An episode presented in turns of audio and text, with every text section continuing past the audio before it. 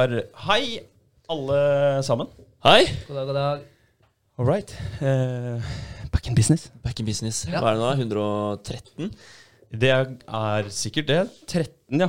For det var 12 den forrige jeg hørte på, eh, med dere to. Stemmer. Og når du er endelig tilbake, André, har du lyst til å gi en liten oppdatering på hva som har eh, skjedd i det siste, som har hindra deg fra å delta på det viktigste som eh, finnes på den eh, planeten, altså dypt vann? Ja, altså det er ikke noe big deal, da. Det er liksom bare ja. jeg, har, jeg, har, jeg har blitt pappa.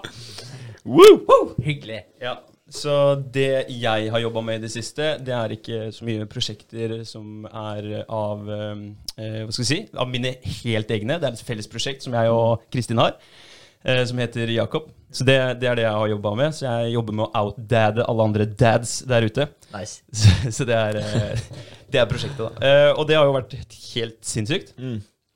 Helt eh, sinnssykt. Ubeskrivelig. Eh, de som har blitt pappaer og har barn, sier jo alltid ja, du, du vet ikke før du har det, bare vent til du får barn, osv. Og, så videre, og det, det ligger jo noe i det. For det er, eh, det er helt uh, spesielt.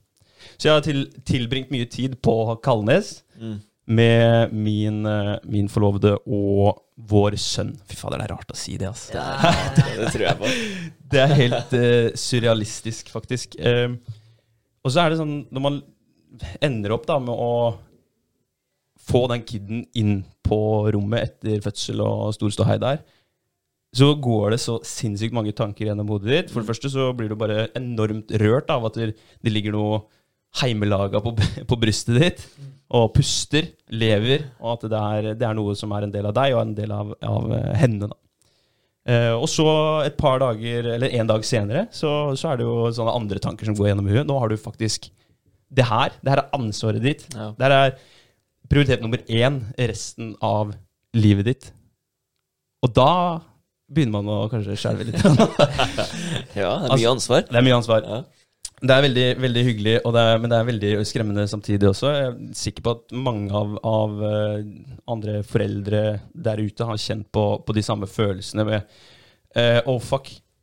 Hva hvis det skjer noe med den kiden der? Jeg hadde Mm. aldri noe Jeg har, har ikke hatt noe angst for det eh, ennå. At jeg ikke skal være tiltrekkelig for, for kiden. For jeg vet at jeg skal være 100% der for, for Jakob. Men hva hvis noe annet som jeg ikke har kontroll over, da, skjer? Så den angsten der, Mm. den har sneket seg litt, uh, litt inn på meg. Mm. Uh, men det er, det er jo mange følelser man tar og føler på når man uh, har blitt en, en forelder, en foresatt. Jakob fikk sitt første brev i posten for, for et par dager siden, hvor det står 'Jakob Ravinholter', og så 'ved foresatte'. Der var plutselig jeg. Shit. Ja, det er shit. Ja, det er sjukt. Det er sjukt. Spesielt. Så det er, eh, det er de to siste ukene. Ja, nå er ikke du en shitkid lenger, tenkte jeg. Nei, da er jeg voksen, da er jeg en foresatt. Det er helt, helt sinnssykt. Ja, det er sjukt. Men uh, utrolig hyggelig da, at dere, alt har gått bra. Og, ja. Ja. Det er jo bare ingenting som er bedre enn det.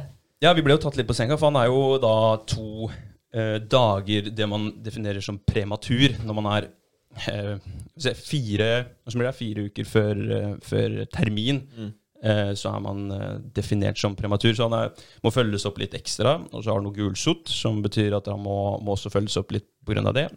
Og det er helt normalt. 60% av alle babyer som blir født, har gulsott. Og det skyldes noe, noe i forhold til produksjon av eget blod. De deler jo blod med mor eh, mesteparten av tiden, eller hele svangerskapet, gjennom navlestrengen. Og så skal de jo ha sitt eget da, når de kommer ut.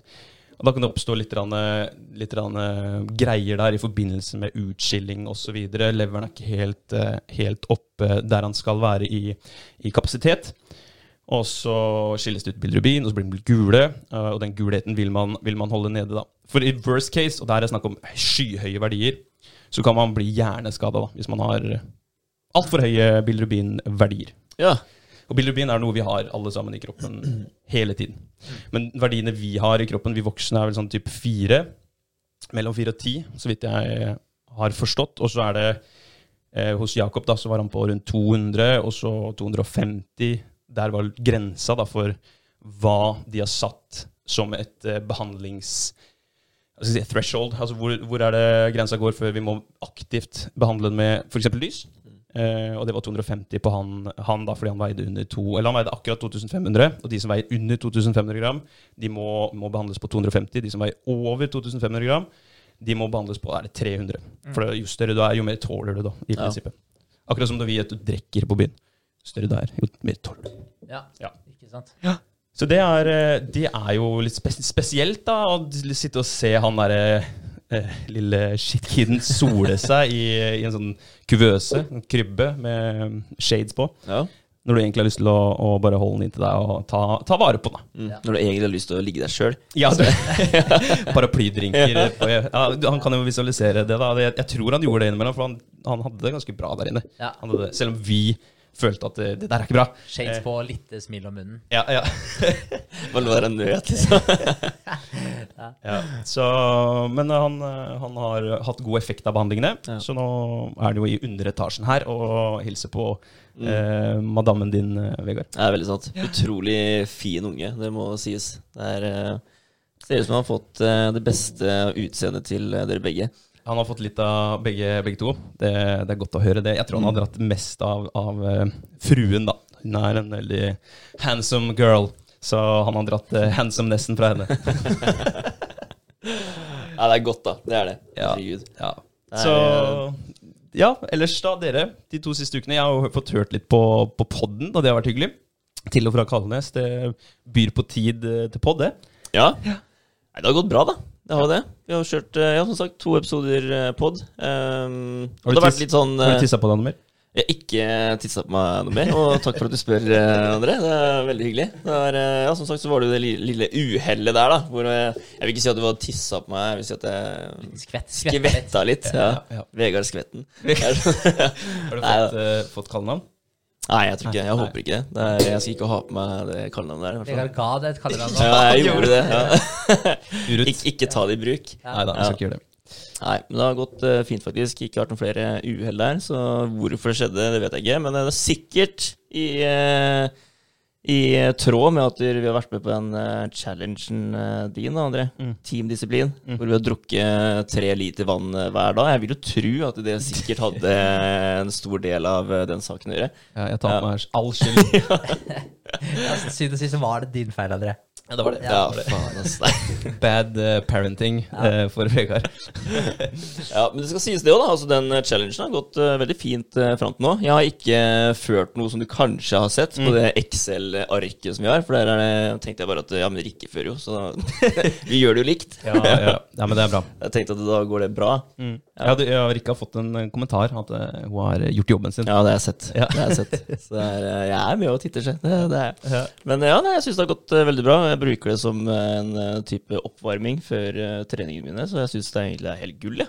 Da får du litt ben og litt bryst og litt mage med en gang. Jeg føler at det har hjulpet på magen òg, bare de situpsa man tar. Ja, for det er tre ganger eh, 50 reps av situps, pushups og squats. Ja. Hvordan syns dere pushupsene går? Kan dere ta 50 typ i ett nå, eller er det Nei, jeg kjører 30-20. Det er 30. bare noe jeg har kjørt Jeg begynte med 20-20-10, Mm. og nå kjører jeg 30-20. Ja.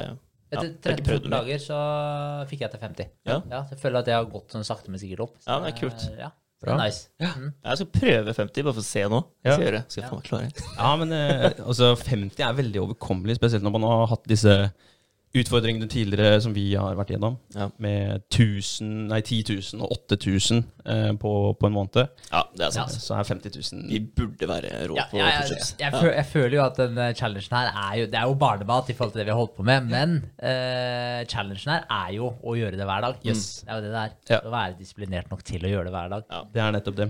Og, og jeg har en tilsvarende utfordring for mine oppturdeltakere også, nå i desember. Ja. Det er bare en adventskalender, så hver dag så er det en ny luke, og da er det sånn typ Sånn som 1. desember så var det én runde av tolv eh, utfall. Det var det eneste de fikk, og det er jo også veldig lett. Mm. Tolv utfall, det tar du på kanskje ja, 20 sekunder. 24 sekunder. Mm. Og samme prinsippet der, at du skal bare holde deg litt i gang da, og få gjort den der ene tasken som noen har bedt deg om å gjøre, eller du har valgt å gjøre sjøl. Og det er en øvningssak Ja. å få det til. Mm. Absolutt. Mm. Så bra. Teamdisiplin, det er jo siste uka, så vi har tester til uka òg. Ja, torsdag? Tirsdag. Er det ti Da er det, 30, da er det 30 dager. Å ja, ok. 30 Ja, nå til tirsdag. Ja. Ja. Ja. Nå til tirsdag. Mm. Nei, da, ja, det er vel 28, for da har vi hatt akkurat fire uker. Da er det, Torsdag, da er det torsdag. Ja, det er det. Ja, det er jeg torsdag. mente. Ja, tirsdag Ja, det er- torsdag. Jeg skal dobbeltsjekke Det det. er bra hvis det er torsdag, egentlig. Det jeg. Ja, for vi starta jo på en tirsdag. Ja, det gjør vi. Det gjør vi. Så da må det være 28 dager etter fire tirsdager. Vi tar en opptelling på det, og så må vi finne ut om det passer i forhold til bruk av rommet. Fordi torsdag så er det jo det rommet vi testa i, er jo i bruk. Ja, Så kanskje det blir Avslutte med en eh, klokka fem på morgenen-økt, da. Ja, for eksempel. Godt eh, forslag. Jeg tror ikke de andre setter like stor pris på det forslaget. 0530 var en challenge eh, i seg sjøl. Jeg ble bare fylt av energi nå, følte jeg. Jævlig bra. Jævlig bra. Ja. Men eh, nok om det. Eh, vi kan jo snakke litt om, eh, om eh, det å gjøre ting 100 eh, Fordi det føler jeg at der, eh, Så jeg sliter litt med i hverdagen, og, men jeg har veldig lyst til å bli god på det. Altså 100 eh, effektivitet. Det er sikkert en eh, ønskedrøm. Men jeg vil snakke litt om hvordan man kan strebe etter det, samtidig som man da unngår å dette av sine egne si, mål eller eh, strevner. da. Man ikke får det som kalles fallbacks, hvor man det- detter tilbake. Havner off, si, off pist. Hvis du ser på deg en slalåmbakke, så skal du følge, følge løypa nedover. Plutselig er du ute i skogen, og da kan du havne hvor som helst. Mm. Det jeg har lyst til å snakke litt om i dag, og passer veldig bra for, for eh, meg som eh, har tatt på en ny oppgave, der jeg må gjøre jobben 100% Ansvar for en liten, eh, liten shitkid som, som jeg skal ha resten av livet. Og i hvert fall de første 18 åra. Da det, da er det på en måte Det er meg og Kristina, selvfølgelig, som, eh, som har ansvaret. Han eh, er jo ikke selvstendig og myndig før han er 18 år. Så det, de har jo ikke lov til å ta alle valg selv før de er Først er det 16, og så er det 18. Det er noen regler på, på 16-årsalderen, og da kan de begynne å pøle litt rundt og sånt nå. eh, mens eh, 18 er det, da kan de begynne å stemme og kjøre bil og litt sånn forskjellig. Sånn, tenk deg det. Altså, han kommer til å ha sex, liksom. Det, kommer til å bli et stolt øyeblikk ass, når du ser at han eh, endelig har fått med seg ja, en eh, dame hjem. hvem Ja, men det spørs hvem han får med seg hjem, da. Ja, det er noe med det, da. Ja, Du det må, du må, du må, du må svise den. Altså. Du må se, se på moren din. Det her er Ja, Her er standarden. ja Du skal ikke gå under det, liksom. Det går ikke. ben benchmark. ja, det er jævlig bra. Eh, grunnen til at jeg har lyst til å, å, å snakke litt mer om det her, er jo fordi at vi, vi um, holder jo på med, med litt forskjellig. Podden, og dere har Nutrihorse, jeg har Bedre slash Opptur, og vi har litt forskjellige prosjekter nå. Og vi hører på ting, konsumerer ting, som er med på å forandre eh, måten vi tenker på, og hva vi gjør. Eh, og det er tankesett, følelser, og det er igjen valga vi tar basert på, på tankesettet som er endra, og følelsene som er endra av tankesettet vårt. Eh, og det er bra at vi, vi hører på mye forskjellig, eh, konsumerer my, eh, mye forskjellig. Men jeg, med meg sjøl, da. Det her er uh, mine objektive eller subjektive meninger. Jeg føler at jeg får et kraftig vindkast av mye av det vi snakker om og konsumerer. Og så har jeg skrevet det litt fint der. Jeg får et kraftig vindkast i seilene til å begynne med. Og så føler jeg at det blir litt krevende å vedlikeholde alle, alle de forskjellige råda som vi tar til oss. Og da blir det vanskeligere å flytte på seilbåten, og føler at jeg flytter på den seilbåten med en padleåre istedenfor å utnytte vinden da, som er i seilene. Eh, quote André Holter. Okay? Ja, fin. Ja. Uh, så derfor så vil jeg snakke om, eh, om uh, 100 %-regelen. Det er en regel som mister Skal vi se Clayton Christensen, en amerikansk professor i økonomi og ledelse ved Harvard Business School, eh, har kommet med i forbindelse med hvordan holde seg 100% til sine egne prinsipper og ikke falle tilbake da, i gamle vaner og spor. Mm. For å, å lage en liten, eh, en eh, liten story rundt det her, skal vi snakke om en kar som heter Tom.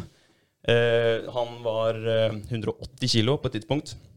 Nylig skilt, hadde dårlig råd, liten selvtillit. Eh, altså, ting gikk egentlig skitt med, med stakkars Tom. Og så hadde broren hans mast en periode på at han skulle være med på et sånt motivasjonsforedrag. Um, og han var vel veldig lite motivert for å bli med på det. Han er langt nede, og da er det kanskje vanskeligere å ta de valgene for seg sjøl som, som er med på å gi deg litt ja, vind i seilene, da. Uh, til slutt så ble han eh, med på en konferanse som het Sig Sigler. Eh, det er en kar som heter Sigler, som har en eh, konferanse han kaller Sig Zig Ziglar motivasjonsdude fra ja, Han har holdt på siden 80-tallet og fram til eh, han døde 2012. Han snakka mye om identitet, om selvbildet selvbilde, hvordan vi ser på oss sjøl.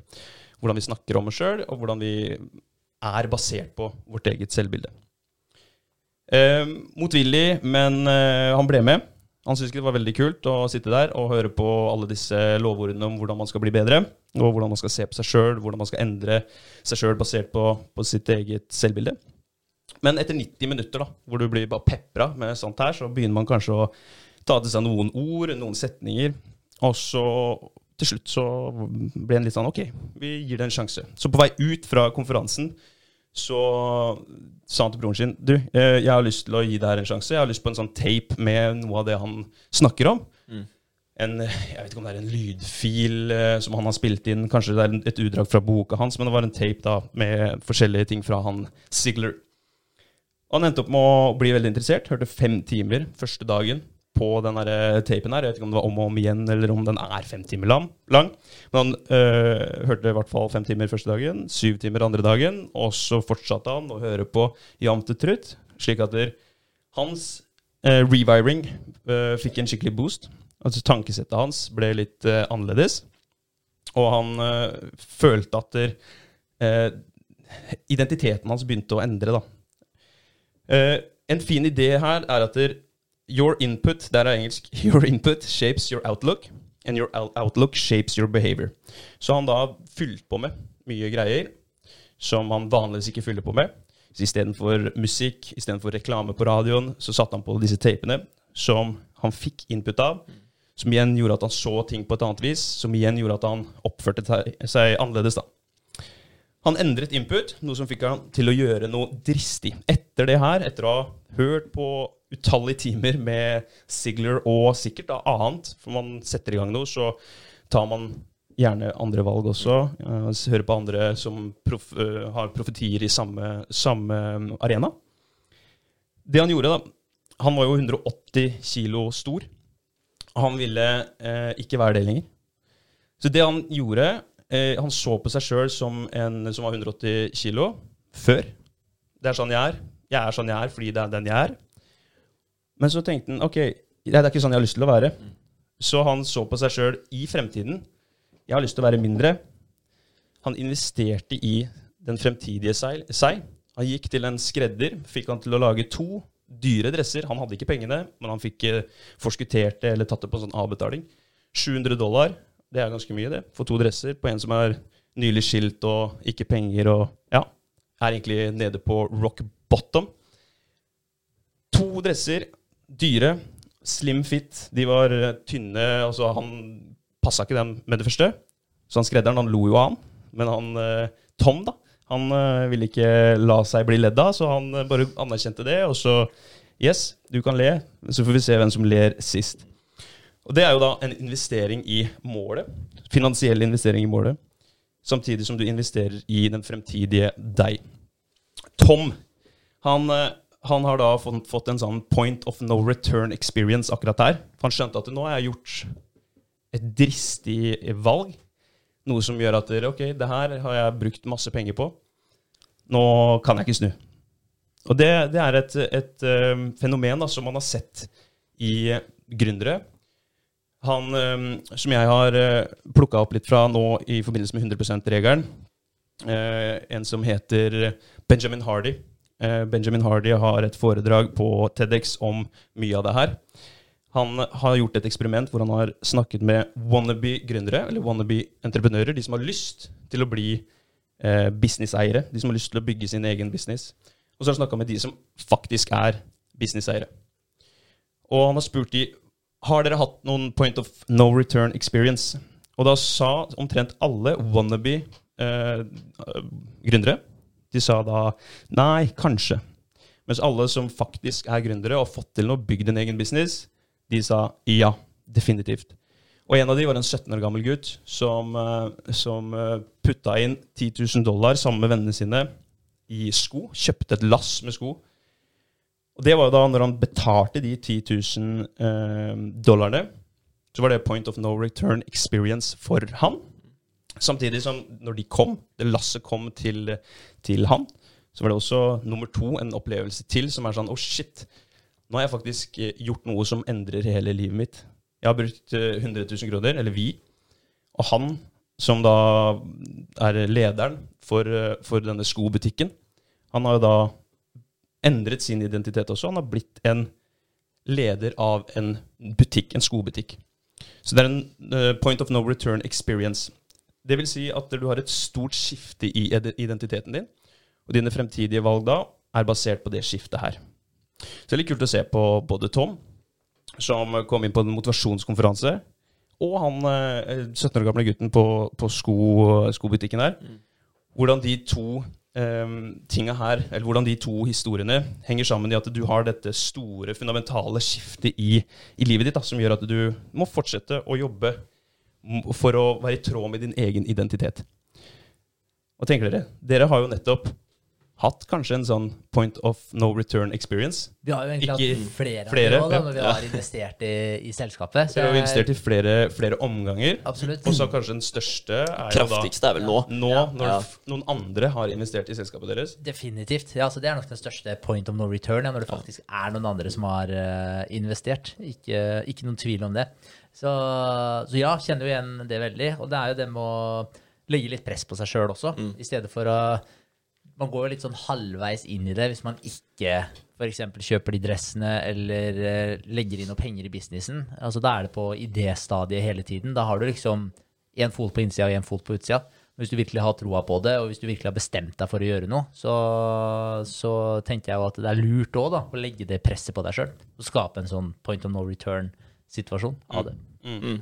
Ja, så funker det, da. Altså, som vi snakka om eh, forrige pod òg, med han eh, kameraten som eh, har vært syk lenge og begynt å se lys i tunnelen nå. Mm. Han kjøpte jo det den eh, Ja, hva heter det for noe? Ja, kurset, det kurset, ja. Mm. Og la penger i det, og tenkte at hvis ikke jeg hadde brukt penger på det her, så, så, var det såpass eh, kjipt og rart da, at jeg ikke hadde gått og faktisk prøvd det her. Men siden jeg har brukt penger på det, så, så følte han at han måtte gjøre det. da. Ja. Ja. ja, og der ser man igjen da, viktigheten faktisk av å gå ordentlig inn for noe. Det, er, mm. ja, det kan være forskjellen på å få det til og ikke.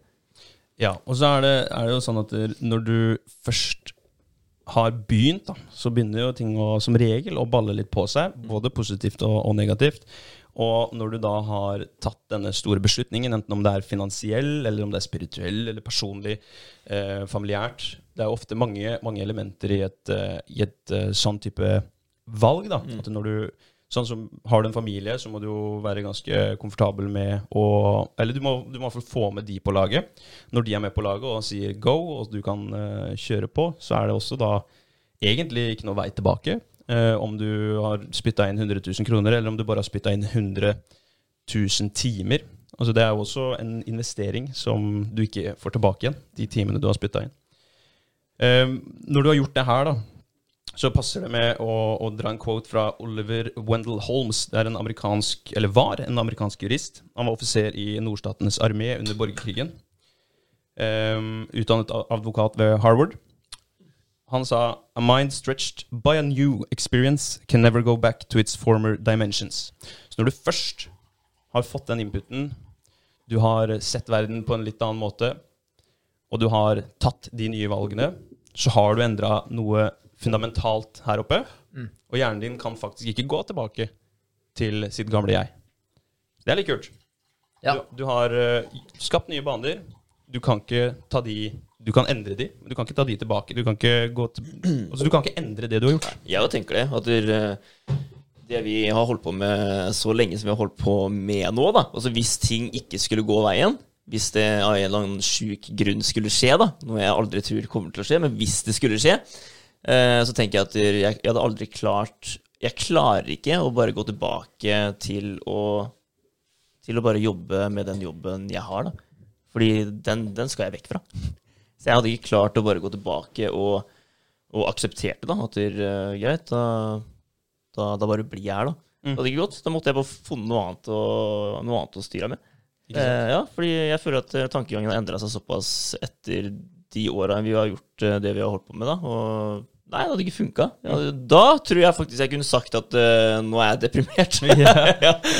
Ærlig. Men det er, det er jo noe med det, altså, når du har drømt om et eller annet, sånn som han eh, karen i eksempelet ditt, eh, André, som veide da 180 kilo, var det du sa? Eh, når han har bestemt seg for at han skal gå ned, han har sydd opp de dressene til en eh, gitt størrelse, om det er 85 kilo eller hva det måtte være, og så da har jo han sett for seg hvordan han er som 85 kilo, og bestemt seg for at dit skal jeg. Hvis han da ikke fullfører de greiene her, så er det jo som du er inne på, Vegard. Da, du klarer jo ikke å leve like blid etterpå da, fordi du vet jo hva du egentlig hadde planer om, og hva du skulle bli, og så har du feila i det.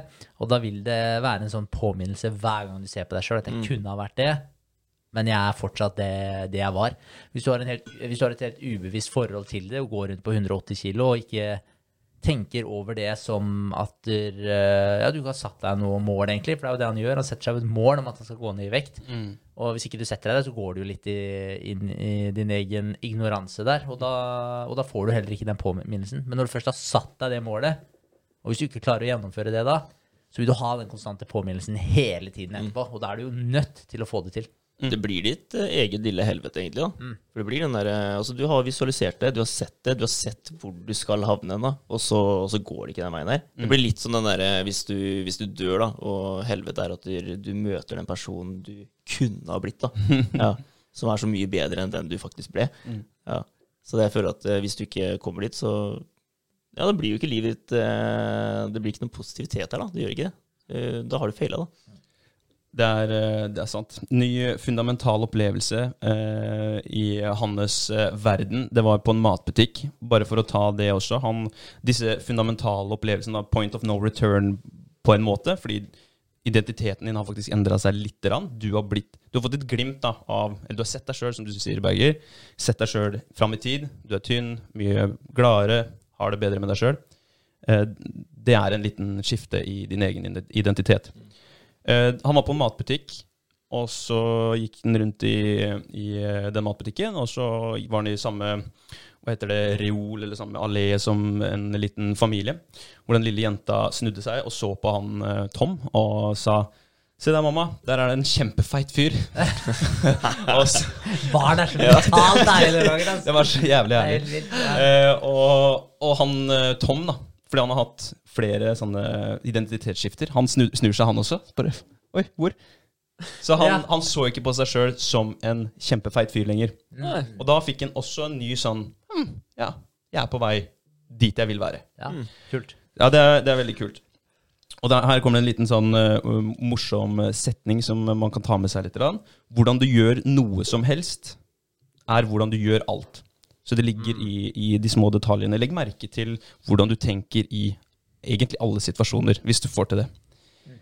Um, og da kan vi gå litt over på sånn type dietter. da. Uh, hvordan uh, det her henger sammen, uh, får vi et bilde av straks. 30 dagers dietter, det er å prøve på noe i 30 dager. Det du sier til deg sjøl da, etter det her klarer jeg ikke lenger enn 30 dager. Mm. Um, ett års dietter, akkurat det samme. Du har bare sagt til deg sjøl at det her klarer jeg kun i 30 dager eller 365 dager. Hvis du velger 30 dager, så har du definitivt ikke gjort et skifte i identiteten din. Du poserer vel kanskje i 30 dager, men ikke gjort et ordentlig skifte da. Du sier du kan gjøre det her i angitt periode, ikke noe mer. Da kan vi se litt på et bilde jeg har tatt med til oss. Identitet versus mål. Og det er jo Hvis du har målet da, om å være 100 kilo, f.eks. Han var 180. Nå, vi skrur tiden frem 18 måneder, så har han gått ned 80 kilo. Så nå er han 100 blank. 18 måneder. Det er Tom vi snakker om. Han har jo satt identiteten sin her oppe. Men hvis Ja, og For de som hører på, da, så ser vi på en graf. Ja, ja, en XY-graf. Det er kanskje greit å, å få med seg. XY-graf, Ja. hvor mål er helt oppe til høyre, og identitet ligger forholdsvis langt nede på Y-aksen og langt til høyre på X-aksen. Ja, så hvis du har identiteten langt nede, så hvis du ser på deg sjøl som f.eks. han her, da, som eh, var eh, feit eh, og i dårlig form, hadde det dårlig med seg sjøl Hvis du ser på deg selv, eller identiteten din, da, hvis du, hvis du er en fyr som er dårlig og tar dårlig vare på seg sjøl, men prøver å være høyt oppe på grafen ved målet ditt, så er du i konflikt. Du er i konflikt med hvordan du ser på deg selv, og da vil du aldri klare å nå det målet. Men sånn som Mr. Tom gjorde, han flytta den identitet, hvis vi ser på grafen igjen, flytter den opp, så den er på linje med målet. Da vil du ikke være i konflikt, og du vil mye lettere nå målet ditt, istedenfor å hele tiden slåss med deg sjøl. Det er en litt uh, morsom greie å ta med seg når man, når man uh, setter seg forskjellige mål. Oppfører du deg som en person som er ved målet ditt, eller oppfører du deg som en person som ikke er ved målet ditt? Ja, vet du hva, det du sier der er så sjukt uh, spot on, for det, det, det har jeg også tenkt på mange ganger. Hvis du har lyst til å være en uh, Eller hvis du har lyst til å endre en eller annen egenskap ved deg sjøl, bli bedre på en ting osv. Hvordan er det du faktisk oppfører deg? Ja? Fordi Hvorfor skal du ikke starte å oppføre deg, selv om det virker litt fake akkurat der og da, fordi du, det er liksom ikke helt i tråd med identiteten din. Eh, men hvorfor skal du ikke da begynne å fake det på en måte, da? At du begynner å oppføre deg mer sånn som du har lyst, og så etter hvert så blir de greiene her eh, naturlig, i stedet for at du skal vente på at den forandringa skjer, egentlig, da. For da kan det jo hende at den aldri kommer også. Så, så det må tenke litt på Ja, hvis du ser for deg sjøl, hvem er det du er om fem år? Eller hvem er det du er om ett år? Eller hvor langt fram i tid det målet ditt er? Så å innta den eh, identiteten med en gang, og begynne å, å handle deretter, begynne å ja, utføre handlingene dine, det du sier, hvordan, hvordan du er, hele levemåten din, begynne å integrere den nå med en gang. Hvorfor ikke? Ja. Så tror jeg det handler om eh, hvordan du ser på ting. Altså. Sånn som eh, trening, da, eksempel. Om du skal dra på trening og trene bare for å få den bedre kroppen, eller gå ned i vekt, eller hva enn det skulle være, da. Men jeg, jeg har begynt å se på det som uh, at der, trening det er det stedet du, du drar og møter motstand hele tida. Mm. Ikke sant? Er det ett sted du har lyst til å gi deg, så er det jo når du trener. Mm. Ikke sant? Men du, du overvinner jo den da, når du tar den ekstra pushups eller hva det skulle være. da. Og jeg tenker at du, Hvis du klarer treninga, da, så vil det bare gjenspeile seg i alt annet du gjør. Mm. Da har du faktisk eh, du, ja, Akkurat som at du rer opp dyna når du står opp. da. Det er liksom den starten på å få mestringsfølelsen, liksom. Og det vil bare gre seg ut i alt, annet- alt annet du gjør, da. Det er litt kult, fordi det, eh, innen en eller annen form for psykologi, om det er sosialpsykologi eller hva det måtte være, så sier man at selvtillit det er biproduktet av tidligere prestasjoner. Det er som du sier der, hvis du har vært på trening og grinda, tatt den ekstra pushupen hver eneste gang, eh, så neste gang du skal på trening da, så kommer du med litt mer selvtillit, for du husker at den forrige eh, prestasjonen din var jævlig bra. Så hvis du klarer hele tiden å leve på dine tidligere prestasjoner, så vil du kunne holde eh, selvtilliten høyt oppe, og du vil ha mer mot til å angripe ting hele tiden. Selvtillit det sørger for at du kan ta bold moves eh, framover. Da. Og at du går inn i det også med troa på deg sjøl, at du får det til. Eh, altså sånn trening Trening er så sykt bra eh, sammenligning altså, til å bruke egentlig gjenspeile livet. Livet gjenspeiler seg veldig godt i trening. Ja. Eh, og det som også er interessant når du ser på trening, da, hvis du skal bli i bedre form, så er du nødt til å presse deg til det ytterste på hver eneste trening. Så jeg vil jo si at du har et bilde av deg sjøl fram i tid som enten har lyst til å ha en supergod kondis, eller har lyst til å ha en uh, shredda kropp, bra med muskelmasse. Altså jeg vet ikke hva målet ditt er når det kommer til trening, men samme hva det er, så vil jo du legge opp treninga di etter det målet som du har satt deg, og så vil du jo presse deg sjøl til det ytterste hele tiden for å faktisk nå det målet. Og der også driver du jo og er i prosessen ved å innta en identitet som ikke er deg sjøl helt ennå. Det er jo egentlig akkurat det samme man sitter og snakker om. Det er jo egentlig det du gjør på trening hver eneste gang. Da. Ja. Og da identifiserer du deg med målet ditt, og så presser du deg litt lenger enn det du gjorde sist gang. Og så gjør du det hele tiden fram til du faktisk er ved målet ditt. Og da er det identiteten din som er eh, ja, overlappende ved målet ditt. Da passer det å dra opp eh, oppførselsløken, hvis vi kan kalle det på norsk. Layer of behavior. Hvis vi skreller den ned, så er det identitet i midten her. Eh, og da, som du sier, Henrik, så har du jo satt et mål om å øke muskelmasse. Så da må du oppføre deg som en som eh, er shredda, eller har, eh, har det, da. Ja, tror du det er derfor alle går med de der, eller mange går med sånne luftvinger? eller? Ja, Som går med menyposer ut i 90 grader, omtrent. fy faen, det er det tetteste jeg ser, Asbjørn. Ok. Ja. ah, det er sjukt. De, Eh, de drar det identitetskortet litt for langt. Ja, det gjør ja, gjør ja, så mye trenger du ikke å leke deg, da. Nei, til en viss grad, liksom. Ja, så identitet er innerst, og for å få den uh, amounten med muskelmasse, så må du ha en prosess, du må ha en plan, og du må gjøre ting. Så det er neste lag. Og så har vi det ytterste laget, som er resultat. Det er det du får av å ha skifta identiteten din, og samtidig da gjøre nye valg, nye prosesser basert på, på det skiftet. Så ender vi opp med da loads of uh, muscle mass. Det er uh, layer of behavior. Vi har snakka om det en gang før, tror jeg, på uh, en eller annen pod. Uh, habits, mener jeg det var. Så kjekt å ta med seg det her. Eh, Det her er da basert på det vi har snakka om. Eh, så har vi noe som heter 100 %-regelen. Det var det jeg nevnte helt i starten. Det er det eh, som jeg syns var litt interessant når jeg uh, plukka opp den i forbindelse med research til denne poden.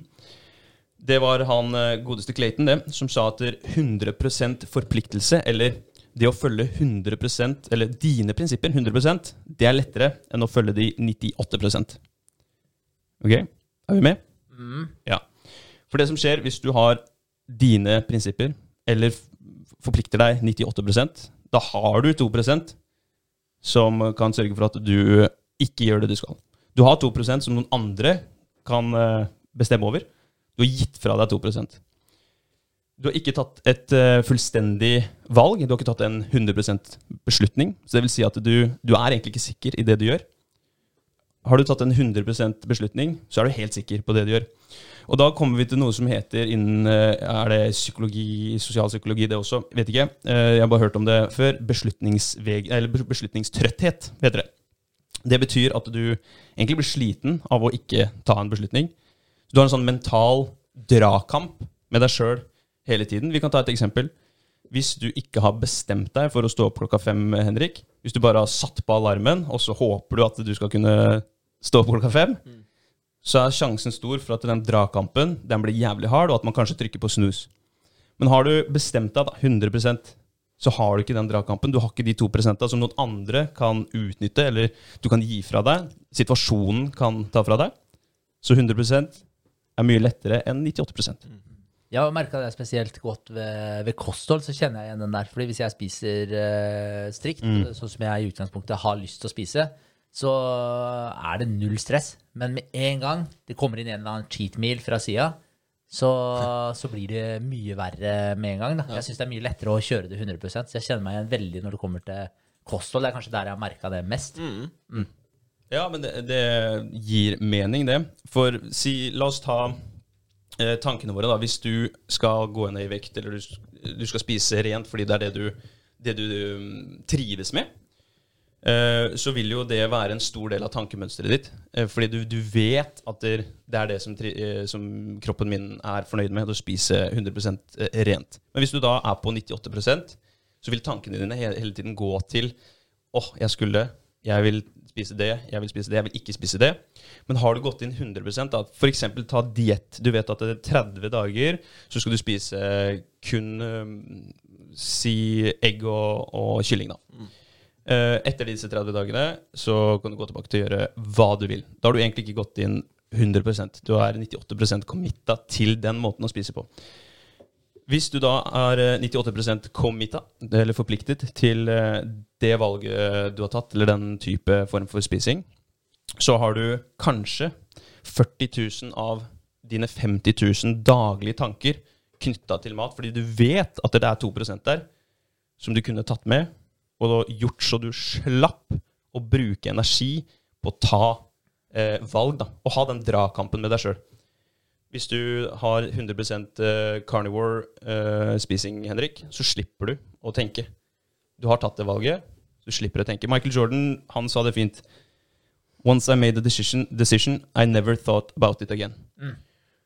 Hva, vi har snakka om disse supersuksessfulle menneskene som går i samme klærne eh, om og om, om igjen. De slipper å ta det valget. De slipper å oppta plass i hodene deres. Det er akkurat det samme. Har du en 100% beslutning, så vet du at det, det er det valget du tar. Du trenger ikke å bruke tid på å dvele. Du har ikke de 2% som kan gi deg en utvei. Eh, Det å ta et valg er jo faktisk det å avstå fra andre ting. Det er å kutte ut alternativer. Så når du har tatt et 100% valg, så er det det som, som gjelder for deg. da. Det er, eh, det er interessant. Det er jo det der med å committe til ting. For det tror jeg jo vi generelt er altfor dårlig. Altså, folk generelt i dag er altfor dårlige til å faktisk committe til ting 100% For jeg tror ofte det er som du sier, om det er 90% eller om det er 98% men at man går inn sånn litt halvveis inn i, inn i ting. Ikke ja, At man ikke committer 100% og det kanskje da hadde vært mye enklere. Jeg vet ikke hvorfor man gjør det. Man er kanskje redd for å committe 100 fordi man vil kanskje gi seg sjøl en utvei, sånn at hvis du feiler, så var det ikke så, da blir du ikke så skuffa. Du legger liksom ikke like mye press på deg sjøl. Det må jo, må jo være noe i den duren. Ja, Ofte, ofte så sier jo folk ja, og jeg skal prøve å slutte. Ja. Eh, Da gir du deg sjøl en utvei. Ja, jeg, og- sku, jeg sa ikke at jeg skulle slutte. Nei, og vi snakker om, eh, ja, når vi snakker om identitet, også, nei, ok, da sier du til deg sjøl at jeg er en person som prøver å slutte. Ikke, du er ikke en person som har slutta. Så det er en vesentlig forskjell. Så, men det er veldig interessant det, i forhold til hvordan vi, hvilke ord vi benytter i hvilke sammenhenger. Uansett hvilke settinger vi snakker om. Da. Bare orda man velger å benytte til å beskrive de situasjonene. For som du sier der, jeg skal prøve å slutte, eller jeg har slutta. Altså hvis du, har, hvis du slutta med et eller annet for syv dager siden, og så sier du eh, 'jeg holder på å slutte', eller 'jeg har slutta', bare de to setningene der er vilt forskjellige. Og sier du 'jeg har slutta', så identifiserer du deg med en person som allerede har slutta. Ja. Ja, Holder du på å slutte, så er du i prosessen ved å prøve å slutte, og det er ikke sikkert du klarer det. Mm. Ja, det er, det er jeg, Grunnen til at jeg ville snakke om det her, da, for jeg føler at der, eh, jeg er blant de som gir meg sjøl ofte en utvei. Og det, det å bli bevisst på at der, Det er ikke sånn at du skal 100 forplikte deg til alt. Det er jo det at du må prioritere. Men hvis du drar på deg en ny forpliktelse, da, eller et nytt ansvar, eller du har et prinsipp, stå fast ved prinsippet ditt, da. Så du slipper den mentale dragkampen, fordi en dragkamp er slitsomt, uansett om det er fysisk eller her oppe. Det er, det er, det er nok mye tyngre her oppe, oppe i topplokket. For hvis du har Hver gang du gjør et eller annet, så er du eh, halvveis inne da, med en fot. Så kommer du aldri til å finne ro, fordi du blir vaiende fra side til side. Du blir ustabil. Du, er ikke, du er ikke helt sikker på det du har gjort. Ditt valg er ikke 100 i, eh, i den ene boksen eller den andre boksen. Så jeg tenker at der, hvis, hvis jeg kan dra med meg noe fra, fra den poden her, så er det prioriter. Sett opp en liten liste. da, Fem ting som du skal du, Det her skal være mine 100 prinsipper. Og så følger du dem. Og så kan du sikkert dele opp de flere prinsipper etter hvert som du har gjort det en stund. Eh, så hver eneste, hvert eneste valg da man tar i forhold til om det er livsstil, eller om det er i forhold til business, entreprenørskap Vær 100% on board, eh, i hvert fall med det, altså den tingen som er viktigst for deg. da, Vær 100% on board, så slipper du de der 2% som hele tiden skal lure deg tilbake igjen da, og ta energien din. For besluts, sånn beslutningstrøtthet eller vegring, det er jo slitsomt å hele tiden havne der. Mm. Definitivt. Men bare den som eh, eh, For å quote en annen basketballspiller, Cobb Bryant òg, han sa jo det i forhold til at det han ikke Altså det som drev han da til å jobbe så hardt som han gjorde, det var at han ikke ville sitte igjen til slutt og tenke tilbake på at han kunne ha gjort noe mer. Han kunne ha gjort noe annerledes. Og det er jo litt den følelsen der man ikke har lyst til å sitte igjen med. Og det er jo hver eneste dag nå man har muligheten til å gjøre noe med den situasjonen man er i. For når man først kommer dit og skal se tilbake, da er det for seint å endre på fortida di. Så det er jo nå du faktisk har muligheten til det. Og hvis det er en ting du virkelig har lyst til å få til, eller som du vet at du må gjøre, en ting som du har lyst til å slutte med, eller en ting som du har lyst til å begynne med, det er jo, det er jo alltid nå som er øyeblikket å faktisk starte med det. 100% 100% Ikke 98. mm. Mm, Eller 90 eller 50, eller hva det måtte være. Ja. Nei, men jeg, jeg har troa på det. Altså. Det er mye lettere å forholde seg til. Det er jo mye lettere å forholde seg til en 100% sak enn en 70% sak. Uansett hva det er. Men så, men så er det kanskje litt i dag òg. Altså, vi har så mye vi holder på med som regel. Da, at man har beina sine planta i så sinnssykt mange leirer, så du klarer ikke å gjøre alt 100% kanskje. Så det at du har så mange forskjellige ting, er med å stjele noen prosenter fra alle de andre tinga man holder på med. At man kanskje prøver å prioritere litt nå, da, og prioritere hva er, det, hva er det som er de viktigste tinga jeg holder på med, de viktigste bolkene, og at man kan gå 100% inn for de, Og så kan man heller kutte ut de tinga som man er litt grann halvveis på. Mm. kanskje det er eh, verdt å, verdt å tenke litt over òg. Jeg tenker at du, slipper i hvert fall å havne tilbake i gamle spor da, når du først har bestemt deg eh, og følger en ting 100% så slipper du de to prosentene som kan dra deg tilbake.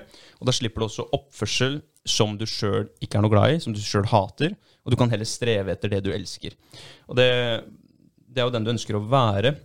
Og det er tilbake til identitet. da, Hvis du setter identiteten din eh, oppe der hvor målet ditt er, så, så er det, jo, det er jo der du vil være. Og det er de valga den personen eh, tar, det er jo de valga du også skal ta og har lyst til å ta. Historien du for, forteller deg sjøl, er basert på, på, fremtiden, og ikke den der som veldig mange sier. Eh, hvorfor, ja, men hvorfor får ikke du til det? Nei, det er bare sånn jeg er. Hvorfor har ikke du skjønt det? Nei, jeg klarer ikke. Det er bare sånn jeg er.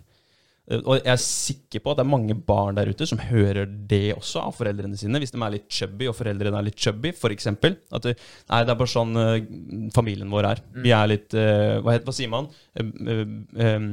Vi har kraftig benbygning. Ja. Ja. og så ser man at skjelettet vårt Gutter, skjelettet vårt veier mellom tre og fire kilo. Alle. Jenter mellom to og fire. Er du en mandig kvinne, så er du kanskje oppe på boys-nivå. Men, uh, men, det er der vi ligger, altså. Mm. Ikke noe mer enn det. Så, Nei, så, så kraftig beinbygging har du. Nei, men jeg, jeg, er ganske sikker på at det er mange som får den. At det er bare sånn du er. Fordi Ja. du er en del av eh, familien vår. Det kan ikke du gjøre noe med. Nei. Nei. Det er uh, sant. Og så beina dine har vel ikke en tendens til å vokse magen din større heller, har de det? Nei, det Ja, det, det var rart i så fall. Det hadde vært veldig rart. Det. Som er uh, interessant å tenke på også, er jo det med mindseten din. Altså det er alltid så koker alt sammen ned til hvordan du ser på verden, og hvordan du, ja, i forhold til hvordan du oppfører deg i verden.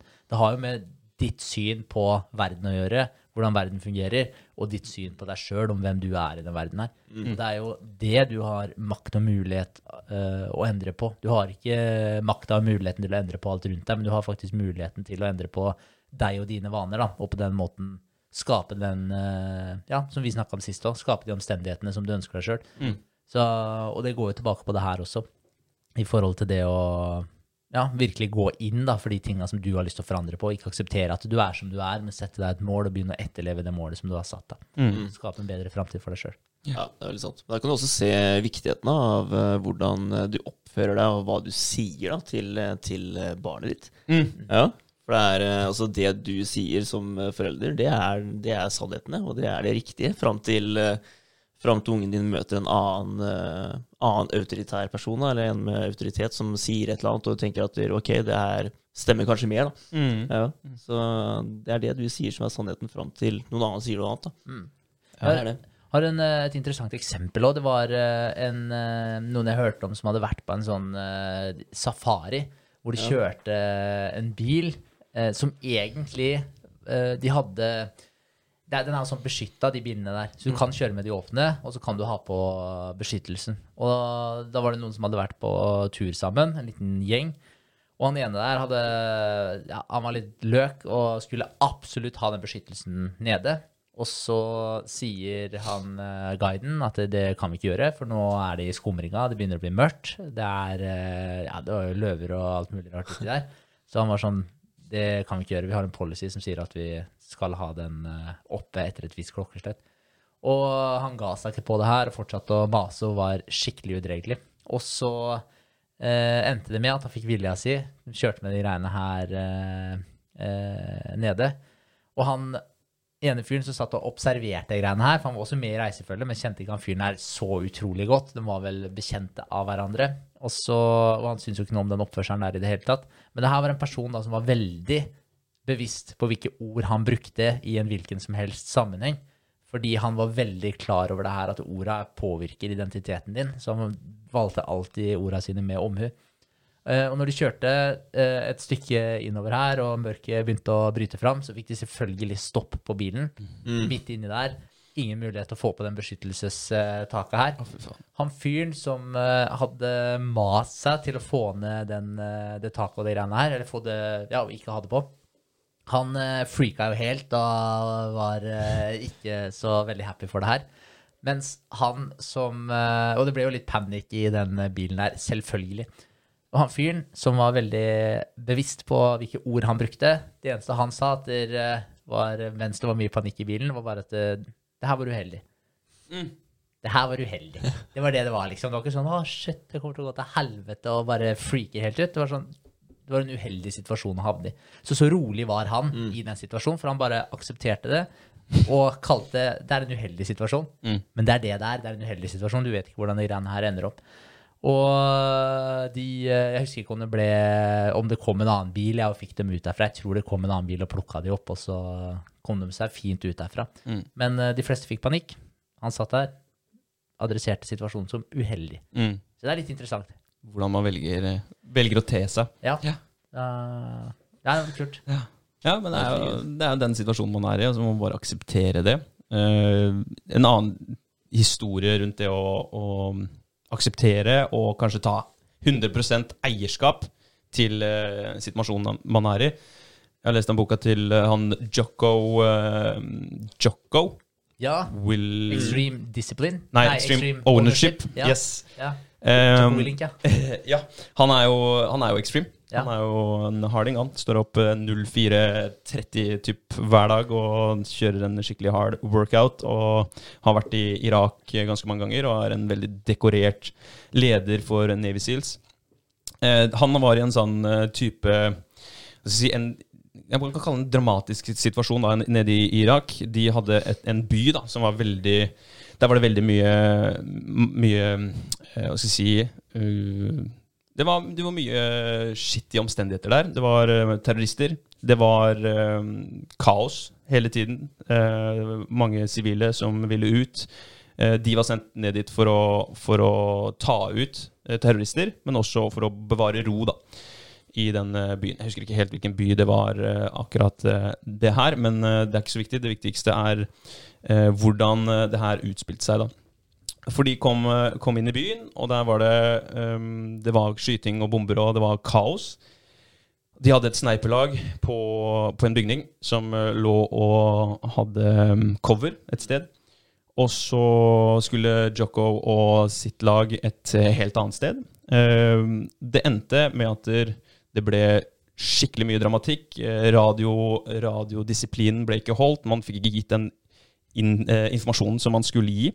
Så folk eh, Ja, det ble kaos, da, bokstavelig talt. Og det som skjedde, var at der, eh, det løp en irakisk eh, soldat, som ikke var terrorist, men som var på, på laget med disse Navy Silsa og, og de amerikanske soldatene.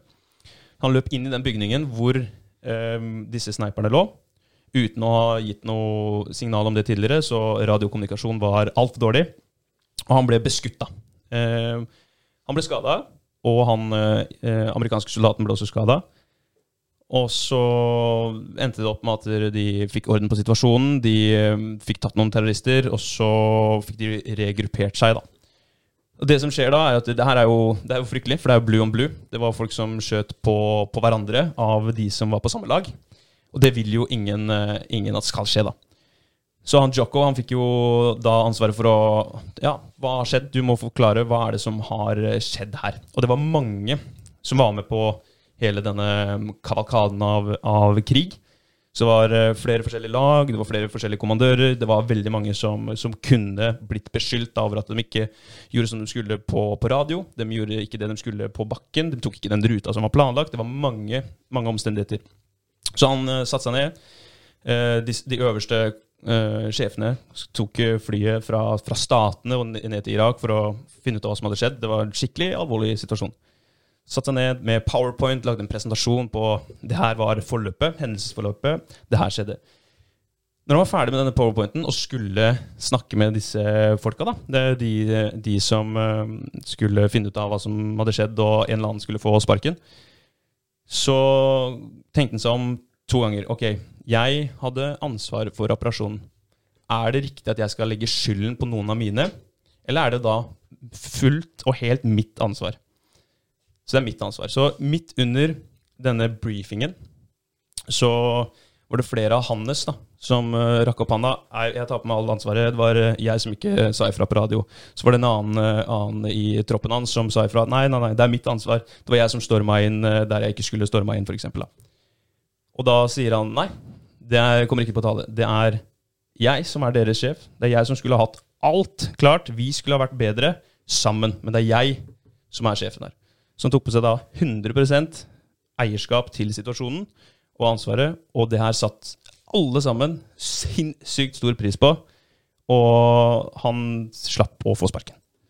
Det er ganske stort når du da sitter der med et ansvar for mange titalls personer som har vært med i en krig. Det har blitt beskutt på hverandre, folk har skada, folk har bandasjer rundt hodet osv. Og, så og så skal du si at det, ah, det er min feil.